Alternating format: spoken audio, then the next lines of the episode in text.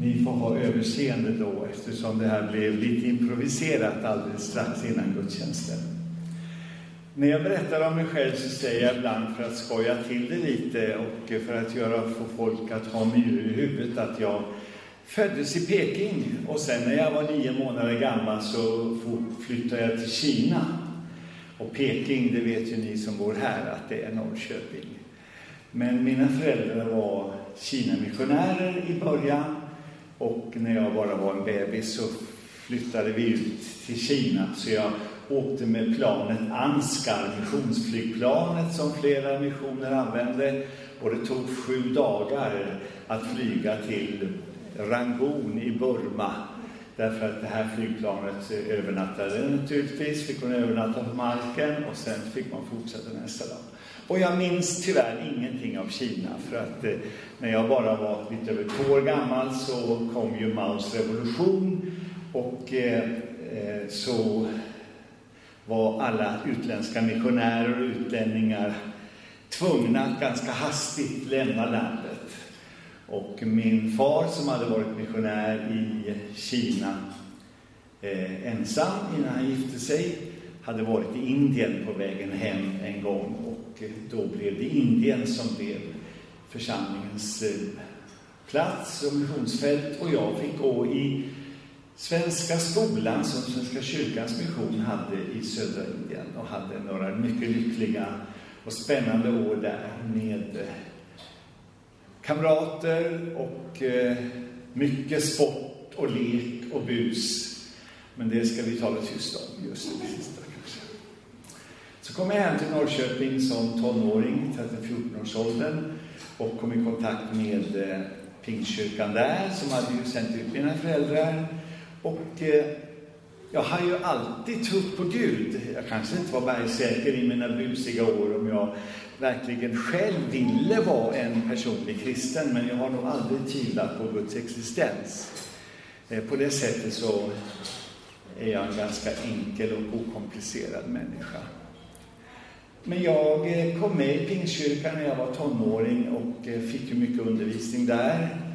Eh, frivilligt eller motvilligt, jag vet inte. Men går man i kyrkan så hör man och lär sig man mycket vare sig man tänker på det eller inte.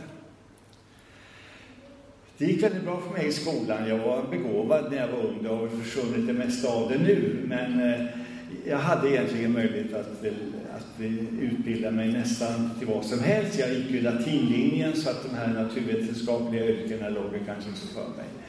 Men eh, jag var intresserad av tre saker när jag var ung och jag drömde lite om att, att eh, hitta något yrke som skulle passa. Jag var väldigt intresserad av resor och det var väl för att jag hade fått det i blodet lite grann. Med resor sedan från unga år. Jag var, jag var intresserad av sport, men det ska jag berätta för er, ni som är yngre, att på den tiden var det otänkbart att man hade sport som yrke.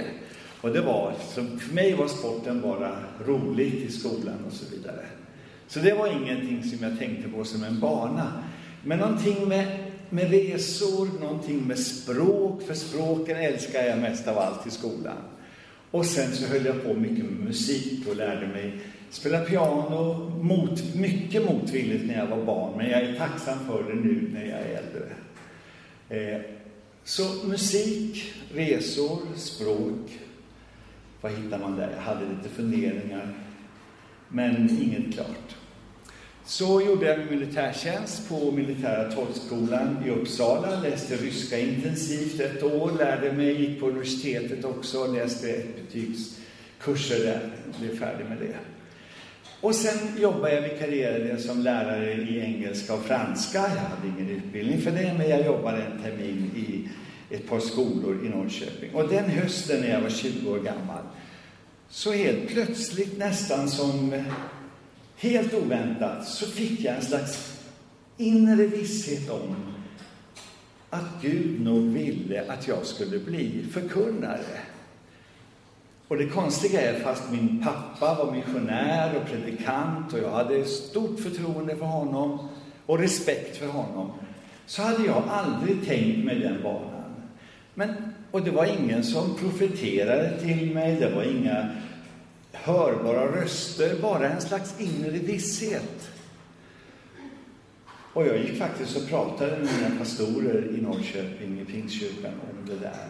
Och eh, de var positivt inställda och eh, eftersom jag inte hade någon bibelskola eller pastorsutbildning eh, och i pingströrelsen under den tiden på 60, 60-talet och tidigare så var det ofta så att man in, han hade kanske gått någon kortare bibelkurs på någon vecka och så fick man komma som lärling till någon äldre pastor och det fick jag göra. En pastor som hade mycket erfarenhet och som tog hand om mig och eh, fick syssla mycket med sång och musik i den församlingen. Och så småningom fick jag tolka, jag var duktig på engelska och jag fick tolka George Verver och jag har tolkat Reinhard Bonke och eh, Nicky Cruz och en hel massa av de här kända talarna. För att det var inte så jättemånga som kunde engelska så bra av de som också behärskade det kristna. Och efter några år så märkte jag att när jag jobbade med det som jag kände Gud kalla mig till. Jag, jag fick ju aldrig någon riktigt bra mänsklig karriär. Jag minns att min kristendomslärare Karlberg hette han, tror jag. Han blev lite förskräckt när jag sa att jag, jag ska, nu ska jag bli pinsevangelist. Och han sa, du måste ju läsa och skaffa dig en utbildning. Han skakade på huvudet. Han tyckte ju att jag kastade bort mitt liv. Men jag märkte ju efter några år att de saker som var de allra viktigaste för mig, som jag inte själv kunde hitta på att eh, få en kombination av, det gav Gud mig när jag sa ja till hans vilja. Och jag har hört rätt många människor tala om sin kallelse och tyvärr så har rätt många, åtminstone var det så förr, man talar om åh, det var en sån kamp och, och jag hade så jobbigt. Och jag kan ärligt säga att jag är stolt över att har fått vara en en förkunnare, fast jag inte så att säga, har ingen så mycket formell utbildning av det. Men Gud har öppnat dörrarna, Gud har lett mig och jag har fått ett fantastiskt meningsfullt liv.